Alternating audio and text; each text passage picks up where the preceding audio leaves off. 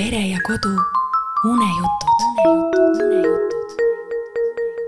poiss, kellele ei meeldinud õhtud. Helis ja Andero Rosin. elas kord poiss, kellele ei meeldinud õhtud. kohe üldse ei meeldinud.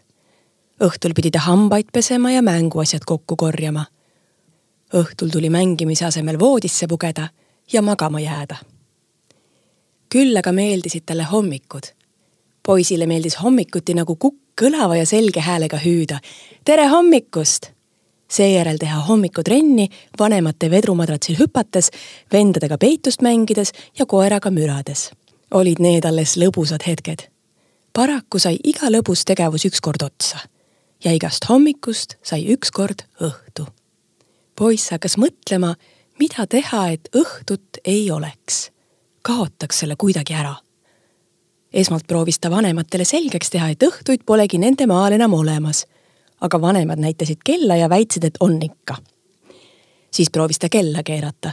kui kell oli õhtul üheksa saanud, keeras ta salaja kella täistunni osuti tagasi viiele.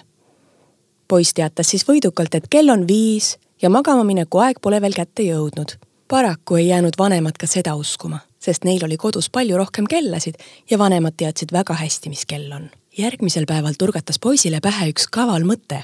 ta mõtles, et õhtu saabudes peaks aknast välja vaadates olema näha, et tegelikult on hoopis päev.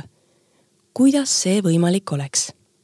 ta tõi sahvrist suured papitükid ja hakkas hoogsalt pilvi, päikest ja kauguses lendavaid linnukesi joonistama. tal kulus mitu tundi, et kõikide akende jaoks sobiv päevapilt maalida seejärel lasi tal neil veidi kuivada ning õhtu hämaruses hiilis ta koos teibi ja papitükkidega õue, et igale aknale pilt päikese ja pilvedega kinnitada. kui vanemad palusid tal õhtul hambaid pesema minna, teatas poiss, et õhtu pole veel saabunud ja tõmbas tõenduseks kardinad akende eest ära. kas vanemad jäid teda uskuma? poiss oli kõvasti vaeva näinud, aga paraku ei andnud need päevapildid edasi valgust. ja nii tuli tal ikkagi tunnistada õhtu saabumist poiss proovis veel mitmel päeval õhtu ära kaotada. Aga ükskord tekkis tal uutmoodi mõte. ta avastas, et kui ta on terve päeva ringi jooksnud, meisterdanud ja müranud, on täitsa mõnus hetkeks pikutada. ja juba järgmisel silmapilgul ongi hommik